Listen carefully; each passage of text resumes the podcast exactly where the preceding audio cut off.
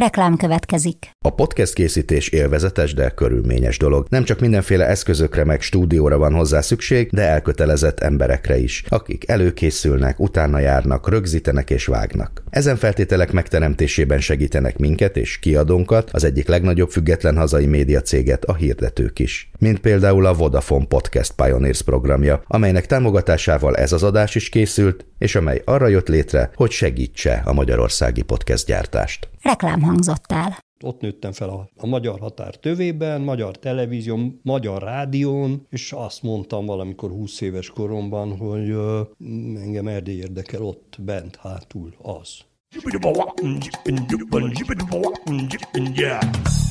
A Líra könyv bemutatja a 24.hu könyves podcastjét, a Buksót.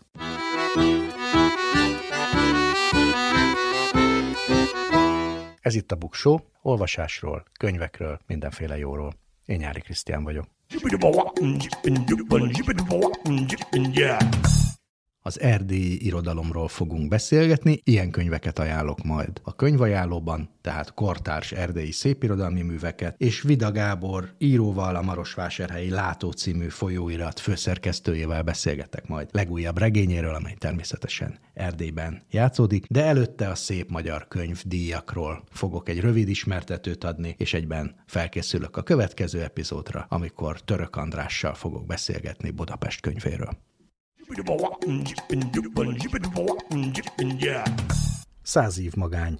Számok a sorok között, érdekes adatok a könyvek világából. Véget érte az ünnepi könyvhét, és ennek alkalmából átadták a szép magyar könyvdíjakat is. Ez a Magyar Könyvkiadók és Könyvterjesztők Egyesülése által meghirdetett pályázaton 66 kiadó vett részt. A díjak odaítéléséről ezúttal is a Mekek által felkért szakmai zsúri döntött, amelyben nyomdászt, tervező grafikus szakembert és a vizuális terület egyéb képviselőit hívták meg, és ők válogatták ki a legszebb könyveket. Zsűri tagja volt Babucs Éva, a Geopen kiadó elnöke, Nagy Fuzsina, díszlet és jelmeztervező, egyetemi tanár, tanár Varga Balázs, a MOME Média Intézetének vezetője, és Wunderlich Péter könyvtervező, design teoretikus, valamint Orosz Márton tipográfus, művészettörténész, múzeumigazgató. A könyv nem csak információ hordozó, hanem használati tárgy is, amelynek jó esetben iparművészeti értéke is van. A művész igényel megformált könyv azonban hát meglehetősen költséges dolog, minőségi papírt, nyomdát, kötést, elsőrangú tervezőgrafikai és nyomdászati szakembereket igényel. És amikor egy kiadónak kevesebb a pénze, most is ilyen időket élünk, akkor nem biztos, hogy drága kivitelezésre vagy elismert könyvtervezők munkájára is tud fordítani. Ezért fordul elő egyébként évek óta, hogy az igényes megformált formálású könyvek jó része galériák, múzeumok jó voltából jelenik meg, mondjuk egy kiállítás kísérő katalógusaként. Ezek azonban exkluzív kiadványok, könyvesboltban nem is feltétlenül lehet őket megvásárolni. A verseny esetében ezért külön kezelték ezeket a kiadványokat, már hogy a múzeumi katalógusokat, meg a hasonlókat. A többi kategóriában azonban, tehát az ismeretterjesztő, szakkönyv, gyermek és ifjúsági, vagy szépirodalmi könyvek, vagy könyvsorozatok esetében kizárólag könyvesboltban is, bolti forgalomban is hozzá hozzáférhető kiadványokat díjaztak, ezekből kerülnek tehát ki a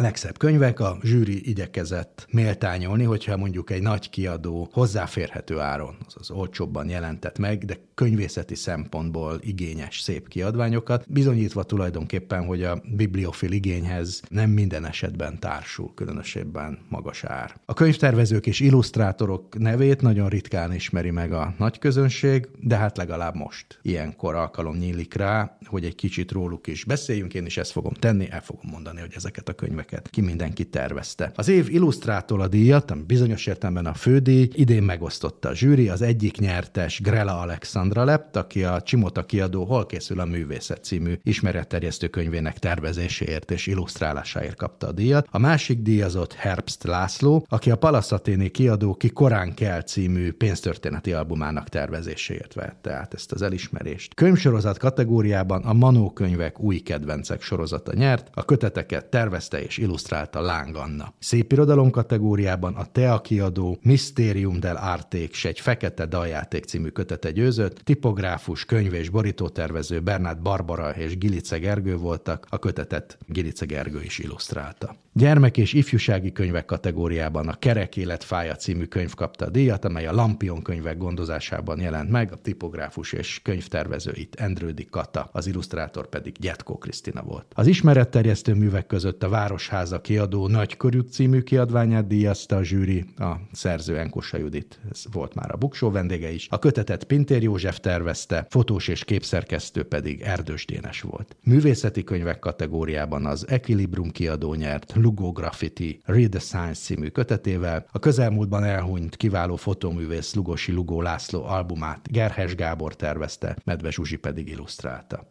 Szakkönyv kategóriában a Terc szakkönyv a Miskolci Építészeti Műhely című kiadványát díjazták, amelyet Varga Balázs tervezett. A múzeumi kiadványok között a Ludwig Múzeum Magyar Pavilon a Velencei Biennálén című katalógusa nyert, Juhász Veronika tervezte és illusztrálta. Idén is átadták a Szép Magyar Könyvpályázat különdíjait, a Magyar Tudományos Akadémia különdíját a Belibro kiadó Tabán Fényképek Történetek című albuma nyerte el, amelyet Belicai Bea tervezett. Tamás László emlékdíjjal ismerték el a Ludwig Múzeum Script Abstract Frey úr ír című kiadványát, a kötetet Smolka Zoltán tervezte. Novák Katalin köztársaság elnök is adott különdíjat ezen a versenyen, a Tortoma kiadó Ferencesek főztje szakácskönyv Csíksomjóról az 1690-es évekből című kiadványa nyerte el, a kötetet tervezte és illusztrálta Csillag István, Orbán Viktor miniszterelnök is adott ilyen különdíjat, a Méri Ráció kiadó és a Prominoritate alapítvány Matl Péterről szóló albuma kapta ezt a díjat, amelyet Rudinski Roland tervezett. És Karácsony Gergely főpolgármester is adott külön díjat, tehát ez politikailag egy sok irányból támogatott fontos díj. Ő a HVG könyvek Frida és Gubanc Budapesten című ifjúsági könyvét ismert el, amelyet Egervői Lilla tervezett és illusztrált. Végül pedig a Magyar Művészeti Akadémia külön díjával a HAP tervezői iroda Kft. a Rózsaszín Zsolnai című kiadványát ismerték el. Tervező, képszerkesztő és fotográfus itt Hübner Teodóra volt, a Mekeke külön díját pedig a Szépművészeti Múzeum Hantai Kli és más abstrakciók című katalógusa kapta, amelynek grafikai tervezője Farkas Anna volt. Mindennyiunknak gratulálunk. Könyvemberünk ezúttal Vida Gábor író, szerkesztő, a Marosvásárhelyi Látó című szépirodalmi folyóirat főszerkesztője, és abból az alkalomból beszélgetünk többek között, hogy megjelent Senki háza erdélyi lektűr című legújabb regénye a magvető gondozásában egy hónappal ezelőtt, tehát ez még egy nagyon friss könyv. 2017-ben, amikor megjelent az egy dadogás története, akkor az mondhatjuk, hogy irodalmi szenzáció lett, nem csak a kritika szerette, hanem az olvasók is, ami ennél is fontosabb. De elnyerte a merítés díjat, és annak a díjnak a történetében ez volt az egyetlen olyan könyv, amit nem csak a zsűri, hanem a közönség is az év legjobb könyvének választott. Szóval ez tényleg siker, és ennek kapcsán azt kérdezném, hogy ez a siker, ez amikor egy új könyvet írsz, vagy, vagy megírtad ezt a könyvet, ez gátló, vagy inkább ösztönző tényező? Tényező. Te egyetlen számította? Minden könyv után azt érzem, most soha többet nem fog írni. Tehát, hogy nem tudok mindent elmondtam, vagy amit nem mondtam el, az benszakadt, és mindig, mindig azt érzem, kiürült. Tehát... Azért is telt el ennyi idő? Mert, mert át kell, hogy akkor álljon a gondolkodásod, hogy mégis neki futsz egy újnak? Azt hiszem, igen. Mert tehát közben is írsz azért, tehát lehet tőled olvasni kisebb dolgokat. Hát ilyen mindenféle kis szösszeneteket, de hogy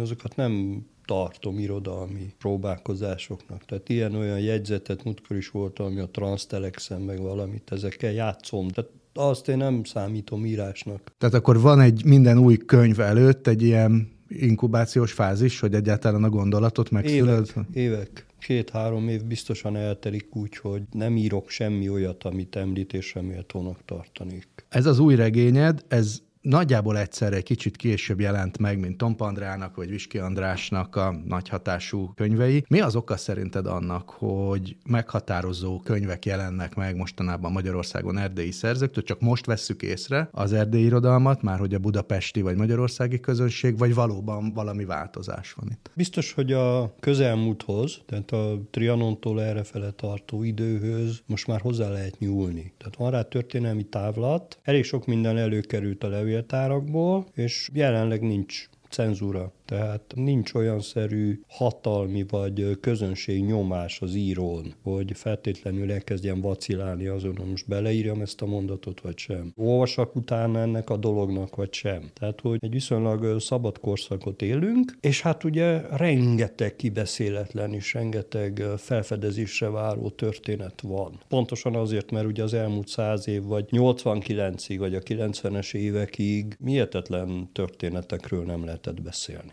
Abban is hasonlítanak ezek, hogy ezek bár nem történelmi regények, de történelmi hátterű regények, és olykor szubjektív történetek, olykor kevésbé, hogy ehhez a háttérhez kellett ez, hogy elteljen 150, ki tudja hány év, vagy a, ahhoz, hogy ezek a történetek felszakadjanak? Mind a kettőhöz. Ugye kell egy bizonyos fajta távolság, tehát amikor van egy kollektív dráma, de akár egy egyéni tragédia is ott is évek telnek el, vagy évtizedek telnek el, amíg valaki erről összefüggően, koherensen meg tud szólalni. És amikor ilyenszerű kollektív tragédiák vagy drámák zajlanak velünk, akkor bizony ott nem, nem könnyű ezekkel szembenézni, hogy ugye megjöttek, most csak annyit, megjöttek a nagyapám még a hadifogságból, és ott megmondták nekik, hogy arról, amit itt láttak, semmit átjöttek, soha senkinek egy szót se. És volt, aki még így is mesélt, hány és hány olyan embert ismerünk, aki soha nem mesélte el azt, amin átment. És ezek ilyen eltemetett történetek. Igen, maradnak. ezek eltemetett történetek. Adióta azért az erdélyi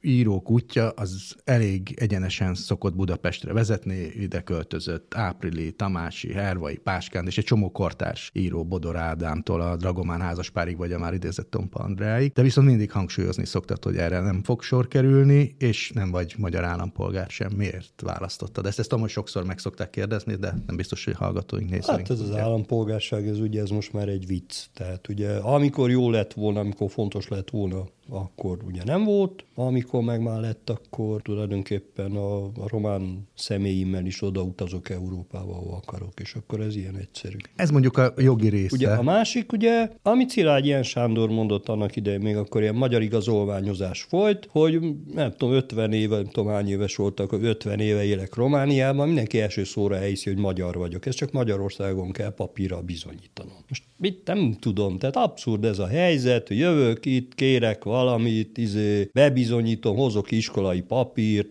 vagy nem tudom, amiket kell arra, hogy én magyar vagyok. Kilenc könyvet írtam magyarul, mivel bizonyítsam magyar? Nem tudom bebizonyítani. Különben is, igen, az egyik dédapám román juhász volt. Na, most mit, mit, mit, kinek bizonyítsak mit? És akkor azt mondtam, hogy jó, ez így van, és nem kell. Tehát nem, igen, nem akarok áttelepedni Magyarországon, soha fel sem merült. Ott nőttem fel a, a magyar határ tövében, magyar televízión, magyar rádión, és azt mondtam valamikor 20 éves koromban, hogy ö, engem Erdély érdekel ott bent, hátul az oda vágyom, oda vágytam egész gyerekkorom, akkor oda megyek. Igen, neked végül is határhelyzetben ez egy sokkal élesebb döntés, mint aki mondjuk Székelyföldön nő fel. Nem, nem a történelmi Erdélyben, de nem is Magyarországon mind a kettőre rálátásra, tehát ez egy nagyon tudatos döntés kellett, hogy legyen. Hát meg azt hiszem, hogy tehát, nem tudom, éveket beleöltem abba, hogy én magyar nyelv és irodalom szakra fogok felvételizni Kolozsváron, és ezzel foglalkozom, és egyáltalán nem, nem tudom. Valahogy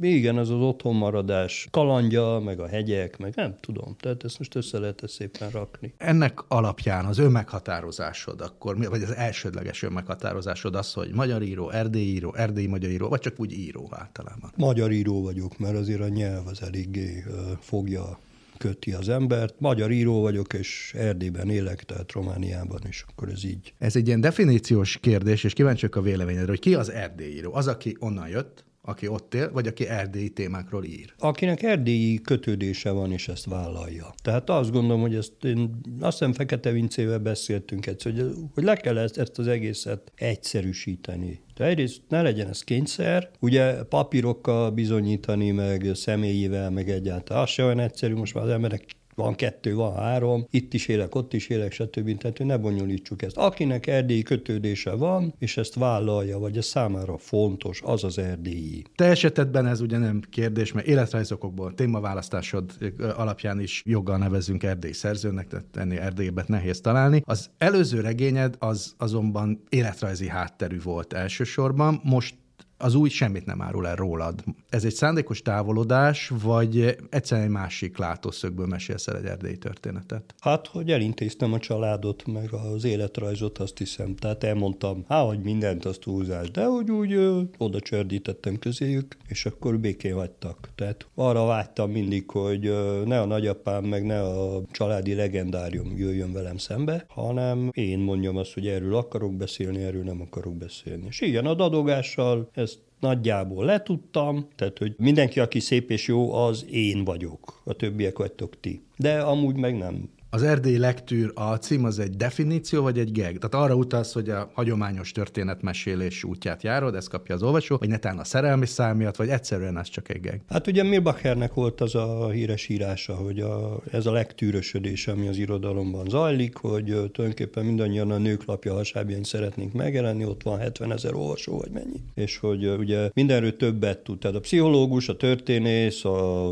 technika történész, a nem tudom micsoda, többet tud a világról, mit tud az író mesélni. Elhitetti azt, ami nem is igaz hatást kelt. Ez a legtűrösödés, azt mondja ő, vagy mindegy, sok igazság volt abban a cikkben, és akkor mondtam, na legyen ez egy legtűr akkor. Legtűr ezek szerint akkor valami olyasmi, amire többen kíváncsiak? Vagy, vagy könnyed, többekete... könnyed olvasmány, ilyen délután a vonatban, mikor jó meleg van, meguzsonnáztunk, és akkor Budapestől Szolnokig lehet olvasni 50 oldalt, és nem fekszi meg senkinek a gyomrát. Nem lesz rossz álma tőle. I- igyekszem beszélgetni veled ennek a műnek a mélységeiről is, de az kétségtelen, hogy el lehet úgy merülni benne, hogy az ember nem vesz észre, hogy már benne van, ami hát az olvasmányos típusú történeteknek a sajátja. Nemrégiben azt mondtad, hogy a magyarok és románok azért nem értik meg egymást, mert túlságosan hasonlítanak.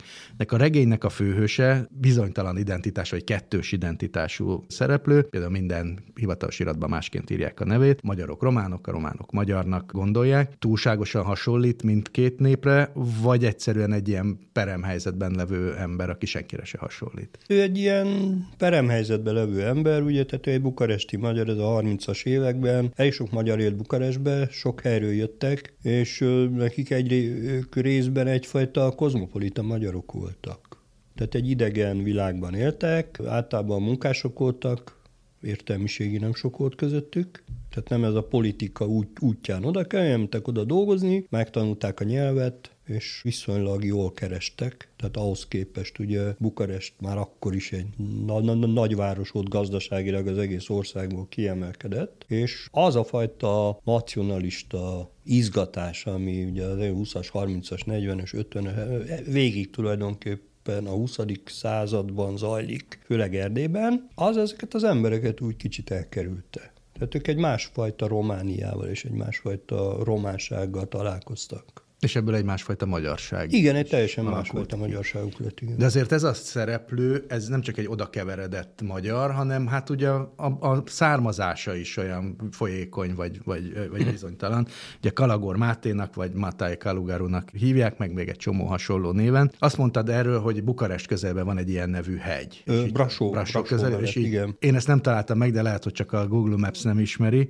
Viszont... A Google Maps nem, viszont a harmadik katonai felmérés térképén rajta van. Mert úgy találtam viszont egy Modvai Csángó népdalokat feldolgozó együtt. Igen. Ilyen, igen, nem igen. is folk, nem is tudom, nem igen. besorolni. Igen. Tehát... És van egy Loizik Kalagor nevű falu is. Egy modvai falu. Igen, modvai csángó település, igen. Miért ezt a nevet választottad? Vagy van ennek bármilyen jelképem, az túl azon, hogy jól hangzik? Azt hiszem belefutottam a térképen ebbe a hegybe, tehát innen, és azután néztem utána, hogy ez mi. Tehát a moldvai települést azt ismertem, az együttest azt nem. Nyilván az interneten most elég hamar ki, ki lehet keresni. Úgy szoktam ugye kikeresni, hogy ne legyen ez a név foglalt, ne, ne jelentsen valami olyan. Tehát most ha hóna, mit tudom én, egy Kalagor Máté nevű magyar atomfizikus, akkor nem nem lett volna. Uh-huh. Hogy most azért ezeket elkerülöm. Azt hiszem, hogy ez a hegy, tehát, uh-huh. tehát az, hogy van ilyen nevű hegy, az engem meglepett akkor. Tehát ott valami egy olyan 1200 valami, tehát nem egy ilyen hatalmas, közismert hegycsúcs, és nem, nem is tudom, hogy most annak mi a, mi, mi a román neve. Uh-huh. Nem sok uh, magyar lakik. Ez ott valahol a hétfalusi csángók vidékén azon a részen. Viszont a történetet helyszínének egyetemen fiktív neve van, hogy ez egy Namajd nevű település, azért nem tudok ennél jobb szót, mert ha belülről nézik az ott lakók, akkor város, amikor kívülről néznek rá, akkor inkább falut látnak. Van ennek tényleges modellje, település? Igen, ezek azok a, most tudom, erdélyi urbánus falvak, ha Nyárád remetét nézzük, vagy Gyergyó remetét is akár, vagy Nyárad Szeredát, vagy vannak ilyen, ha nem is nagy falvak, de van egy valami sajátságos öntudatuk. Ezek azok, amik egy falu, de van főtere. Igen, van egy ilyen főtere, és hogy volt egy olyan társadalma, nagyrészt ez a társadalom eljött már Magyarországra, de főleg az első világháború előtt Tehát voltak ilyen falvak, ahol összeálltak az emberek, és ugye itt is arról szól, de ezt meg is talált a valóságban is, hogy összeadtak pénzt, és vízerőművet építettek, ganc turbinát vásároltak, és volt villanyuk. Aztán, hogy ez meddig tartos, mennyit veszekedtek rajta, ez egy teljesen más kérdés, de ugye az első világháború előtt vagyunk. Sőt, aztán az első világháború után is volt ilyen, hogy adtak erre, és tulajdonképpen volt egy ilyen önszerveződő falu, vagy kisváros, vagy nem tudom micsoda. Aztán a 30-as évektől a román állam ezeket nem engedélyezte, hogy ilyen önszer, tehát mindent felszámoltak, és ez azóta is így És akkor ezek a kisvárosi települések visszasüllyedtek azóta valamiféle falusi szintre? Próbálkoztak, tehát a 60-as, 70-es években, ugye, mikor a Ceausescu rezsimben ipart hoztak az ilyen ott bútorgyár volt, cserépgyár volt, mit tudom mi valami, próbálkoztak. Varroda, és nem tudom, és ez aztán 90-es években teljesen felszámolt, teljesen falvak lettek, falu lett. Tehát a román ipart úgy mindenestől felszámolták, azt is, ami működött, azt is, ami nem. Igen, ezek falusi falusi helyeket. Meg hát ugye az én szülővárosom is Kisjenő is egy ilyen iparosodó kis városka, kis település valami ott, és aztán teljesen összedőlt. De ennek a, a településnek a társadalmát mutatott be, egészen pontosan nem a közembereket, a főszereplőid azok mind a helyi kisvárosi elithez Igen. tartoznak, polgármester, pap, boltos, rendőr, gyáros. Miért ezt az elitet emelt ki? Ez érdekelt. Azt hiszem, hogy a a falusiakról elmondtam már sok mindent máshol, az is, hogy ez engem így foglalkoztatott, hogy hogyan, hogyan éltek ezek az emberek, akik abban ott valami fajta, nem tudom, értelmiséget, értékrendet próbálnak fenntartani. Ugye ebben a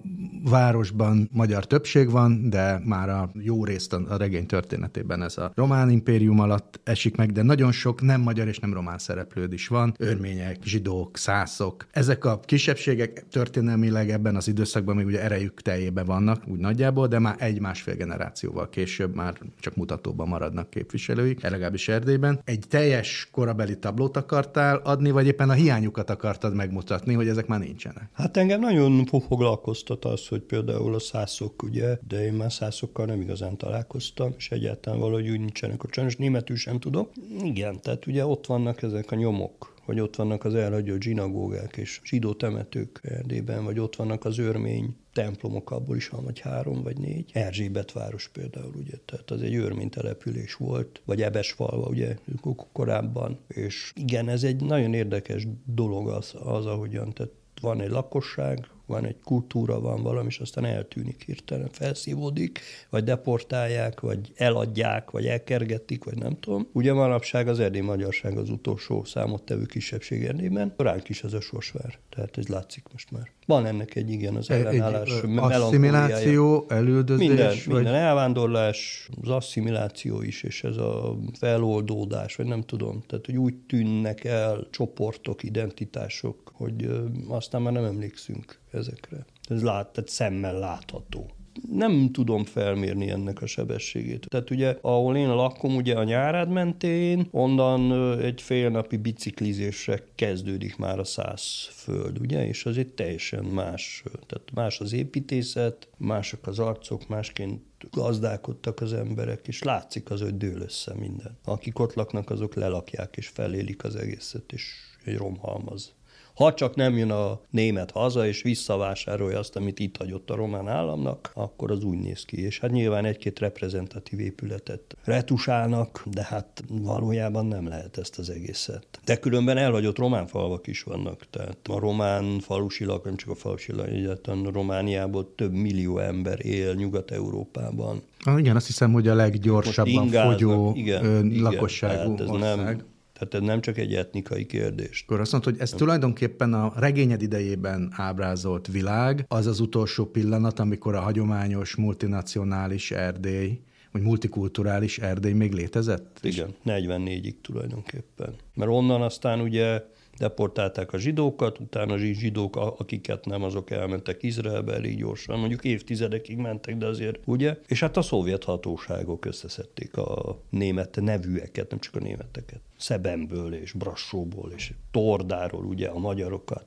az oroszok, ugye a Tordai csata miatt. És szó volt róla, hogy a regény ideje az 1936 és 46 között egy évtizedet mutat meg. Ezt azért választottad, mert ez a legsűrűbb történelmi időszak, három vagy ha akarom négy impériumváltással, rendszerváltásokkal, vagy egyszerűen így adta ki a, a, a, a történet? Találtam egy ilyen városi tanácsülési indítványt, Ugye pontosan az, az, amivel indul a regény, hogy a szombati napra esik az országos vásár, és hogy azt el kéne tenni egy más napra, mert szombaton a zsidók nem pakolnak ki, és akkor nincs vásár. Nincs kivásár, nem, senki nem fog vásárolni, senki nem fog eladni, senki nem fog vásárolni, a fene megeszi, tehát nincs, nincs ebből semmi. És ott van egy vita, mondja valaki, hogy és mi lesz, ha nem jönnek a zsidók? És akkor ö, ott mondják, hogy de volt már nem tudom melyik faluban egy szombati vásár, és nem jöttek a zsidók, vagy nem, nem, nem pakoltak ki, vagy nem kereskedtek, és ö, senki nem adott el semmit, és csőd lett az egésznek a vége. Van, van egy, ez egy levéltári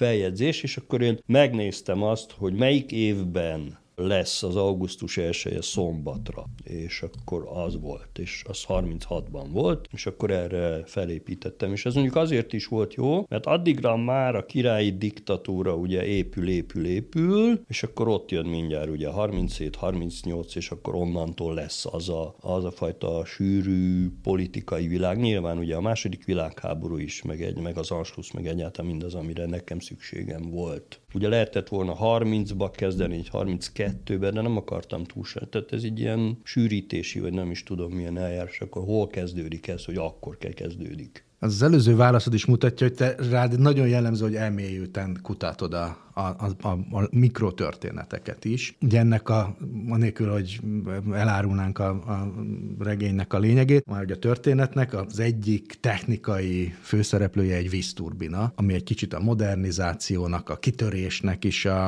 a, vagy a kitörés lehetőségének is a jelképe. Ez például honnan jött? Ez is egy létező... Levéltárba találtam az anyagot, lapoztam, nem tudom mit kerestem pontosan, ugye azért izgalmas a levéltár, mert az ember elkezd valamit keresni, vagy megtalálja találja, vagy nem, de biztos talál valami olyasmit, amiből el lehet indulni. Igen, ez egy ganz Ganz turbina volt, egy kicsi vízturbina, ott van a teljes dokumentáció, meg is találtam a helyszínt, be is mentem, meg is kérdezte egy 90 éves bácsi, mit keres, mondom a vízturbinát, ja, hát az a mi telkünkön volt.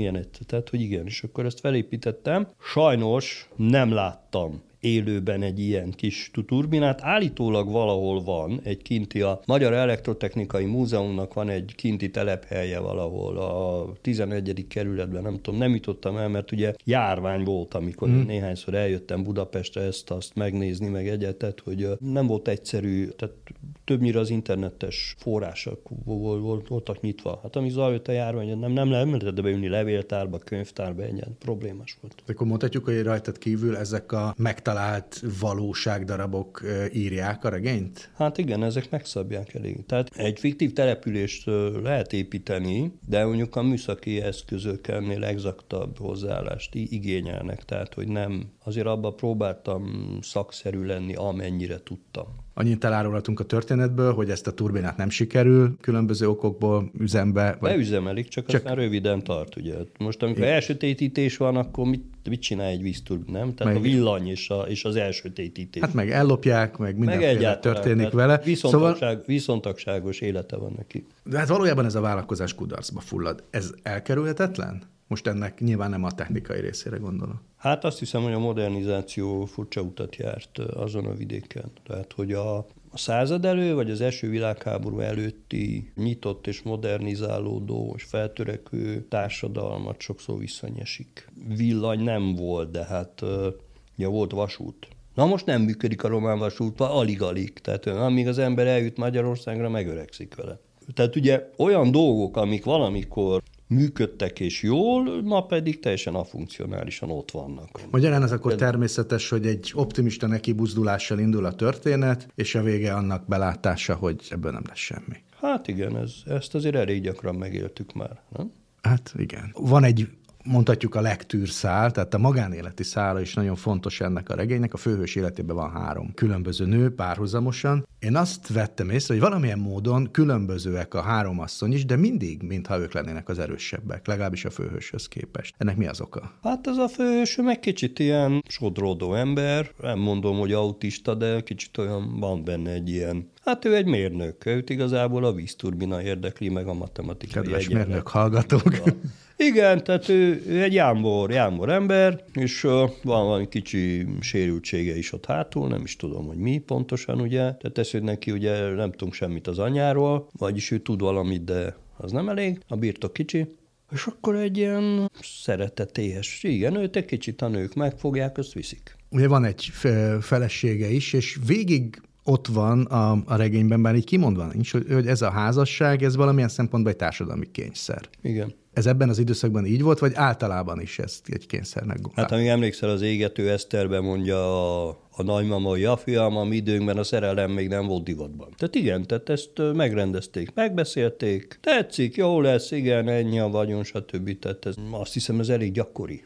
Tehát az, hogy ez a nagy szerelmi házasság, mert nem tudom micsoda, tehát arról igen, az a szép, azt tudjuk, de valójában túl sokat próbálunk, azt hiszem, a szerelemtől elvárni, és túl nagy terheket rakunk a szerelemre. Nem, nem arra van ő kitalálva.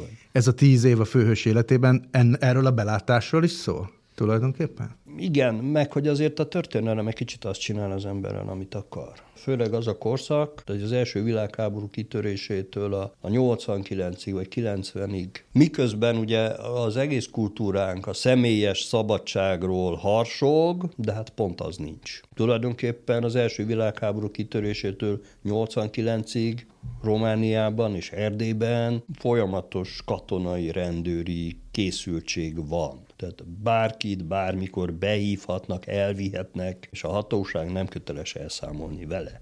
Bocsánat, ebben éltünk. Most ugye ebben a személyes szabadság hangoztatása az egy szép szép filozófia, csak minimális realitása van. Ja, igen, hagyd tegyek fel egy kérdést, épp pontosan egy idézettel kezdeném, amit te, mond, te írsz. Hálátlan utókornak lenni könnyű, mert nem csak azt tudjuk, amit az elbeszélt események hősei, hanem azt is, mit súgnánk nekik. Arra vágyunk a múlt elbeszélése révén, hogy beleszólhassunk. Ha én ott lettem volna, ha én csináltam volna, minden egész másként zajlik. Ez a mi hálátlanságunk. Hogyha nem az író Vida Gábor, hanem a természetes személy Vida Gábort kérdezem, akkor mit súgnál a 30-as, 40-es évek Erdélyének lakóinak? Hogy próbálják megérteni egy kicsit, hogy mi zajlik a világban, és ne várjanak túl sok jót a nagyhatalmaktól egy kicsit elszakadva a, az írói munkásságottól szerkesztő is vagy. Arra kérnélek, hogy mondd el a magyarországi nézőknek, hallgatóknak elsősorban, hogy mire kell most, mire érdemes most odafigyelni az erdélyi magyar irodalomból, vagy kikre, csak néhány nevet esetleg. A látóra, a helikonra és a Székelyföldre. Most egy nagyon érdekes korszakot élünk, mint mindig, ugyanis feloldódni látszik ez, hogy ki erdélyi, ki nem erdélyi, ki hol jelenteti meg a könyvét, ugye, tehát a látóban is, de a helikonban is elég sok magyarországi szerző van, és mi is publikálunk itt, és egyáltalán, hogy ez már nem, nem ennyire fontos. Tehát, hogy meg ugye sokszor ugye elmondtuk az elején is, hogy tehát sokszor nem tudja az ember, hogy ki hol lakik, meg van, akik több helyen lakik, meg egyáltalán. Költőkre köttök vannak most, ugye az André Feri, meg a Benji, meg Ozsvát Zsuzsi, meg Sánta Miriam, meg egyáltalán Nagy Zalán egyáltalán, tehát ők most ilyen 20 évesek, vagy vagy annál, annál idősebbek, és érdekes módon ugye mindig elmondják, ha nincs már vers, mert mert már verset írni, lehet. És előjött ugye ez, amit ott valahogy a metamodernek neveznek, hogy nem tudom pontosan mit jelent ez a szó, de hát el kell olvasni. Tehát van egy érdekes, vagy éppen a Kali Áginak a könyve most jelent meg a Kaligramnál. Tehát ezek azok a izgalmas dolgok. Nyilván a költészet az, ami így, így szembe tűnik hirtelen. És amire végképp nem szokott rálátása lenni a, a magyarországi olvasóknak, az a román irodalom, te olvasol román szerzőket is, közülük kit ajánlasz? Hát a Körtöreszkut mindenképpen, tehát a Norman Máneát, vagy a Dan Lungut. Elég sok, so, sokat fordítottak belőlük, a magyarra is. Nem nagyon lelkesedik a magyar olvasó, a román irodalom, románok sem a magyar értett. Ha valami Párizsban fontos lesz, hogy Londonban, akkor igen, de különben nem. Nem, nem érdeklődünk egymás iránt. Top 10. Egy polsznyi jó könyv.